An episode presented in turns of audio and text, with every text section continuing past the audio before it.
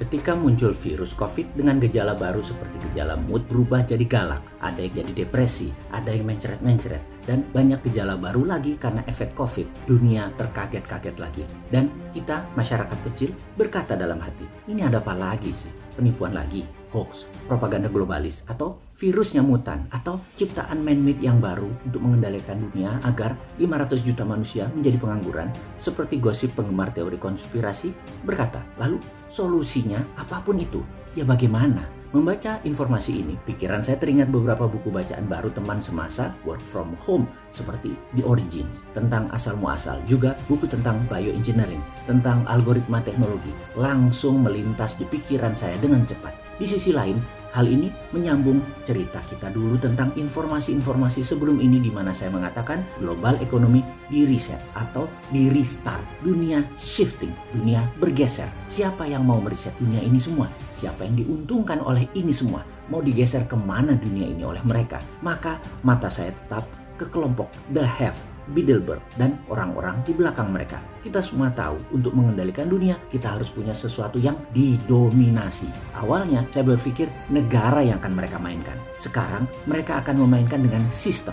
Dunia akan diubah, di-shift, diubah dengan algoritma, dengan bioteknologi, dengan rekayasa engineering teknologi semuanya termasuk kertas, saham, surat berharga, dan mineral precious metal. Kata-kata Trump yang mengatakan kami tidak punya emas baru-baru ini yang dikutip Ford membuat saya berpikir hal yang baru. Apa hubungannya dan apa yang akan terjadi? Oke, kita mundur sedikit ke zaman sebelum Keynesian, sebelum tahun 1900-an. Uang atau money itu hanya pelumas transaksi. Money just greasing the transaction. Uang sebelum itu gak dipuja seperti sekarang oleh kaum Keynesian. Uang tidak dijagain seperti sekarang. Uang bukan dewa seperti pejabat yang berkuasa saat ini memujanya dengan takut. Uang ya hanya pelumas, pelancar, mempermudah sebuah transaksi saja di masa sebelum Keynesian.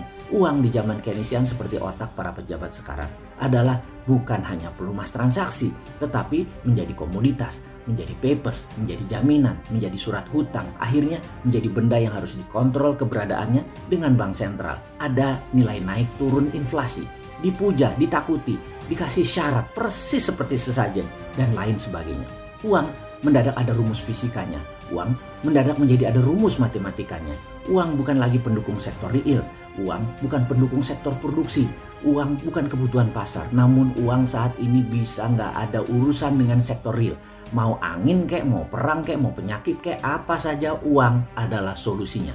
Kita sebagai penganut New Economic Model yang gencar dipromosikan sejak tahun 2009, kita adalah kaum yang percaya MMT. Maka kita-kita ini disebut ekonom post-Keynesian atau ekonom setelah Keynesian. Di sisi ekonom post-Keynesian akan memurnikan kembali uang sebagai greasing the transaction plus underlying project. Ini penting dipahami.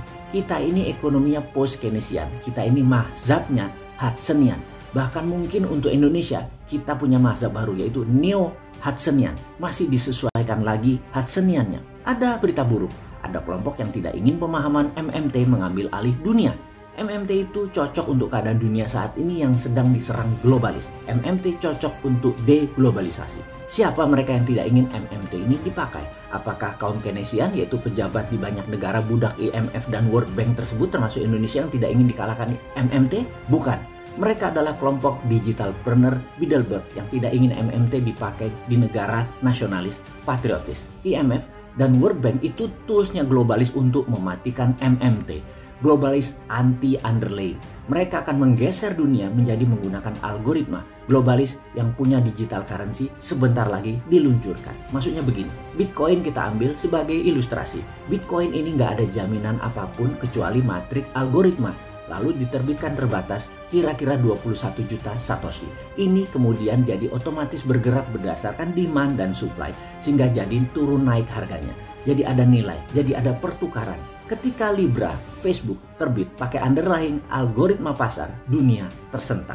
Moneter dunia tidak setuju, Bank Dunia tidak setuju, Bank Sentral panik dan ini membuat kesal kelompok The Have tadi. Inilah mengapa sejak 2018 mereka getem-getem ingin bergerak dan merekayasa tatanan dunia baru tanpa negara namun mereka belum bisa bergerak. Mereka shadow, mereka akan mengontrol digital dunia ini. Bilderberg itu mengkonsolidate IG, FB, Google, YouTube, TikTok, Twitter, Amazon, Alibaba, dan panjang lagi list teknologi yang tidak akan selesai 20 lembar tulisan mungkin. Makanya, seperti dalam informasi sebelum-sebelum ini, untuk globalis merubah sistem harus mendekopling masa lalu dan masa ini. Seperti dunia sebelum Perang Dunia Pertama dengan sistem kolonialismenya. Setelah dunia berubah total, lalu antara setelah Perang Dunia Pertama sampai Perang Dunia Kedua, dunia menjadi beda setelah Perang Dunia Kedua. Seperti yang kita alami saat ini. Sebelum Perang Dunia Pertama dan setelah Perang Dunia Pertama selesai, itu putus. Bukan reformasi, bukan reformasi, tapi putus beda dunia saat itu. Dan ketika virus corona disebar di tahun 2019 akhir kemarin yang diperkirakan akan membunuh 30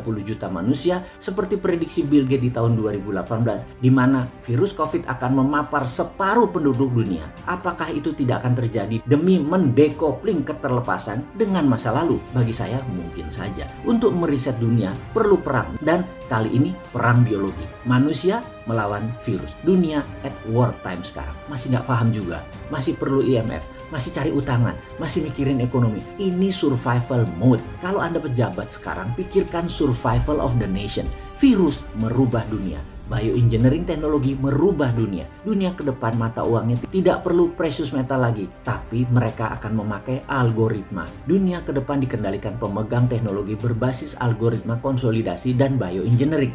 Inilah tatanan dunia baru. Negara menjadi less important. Negara menjadi tidak terlalu penting lagi. Tetapi bagi para nasionalis patriotis, manusia tersebut menganggap negara tetap penting. Jadi bagaimana Pak Pejabat? Kapan jadi nasionalis patriotis? Apa masih mikir bisnis bohir Anda atau Anda berbisnis memanfaatkan bencana sehingga bisnis Anda tetap jalan walaupun kebijakan tersebut membuat UKM dan pariwisata mati. Nggak peduli ya?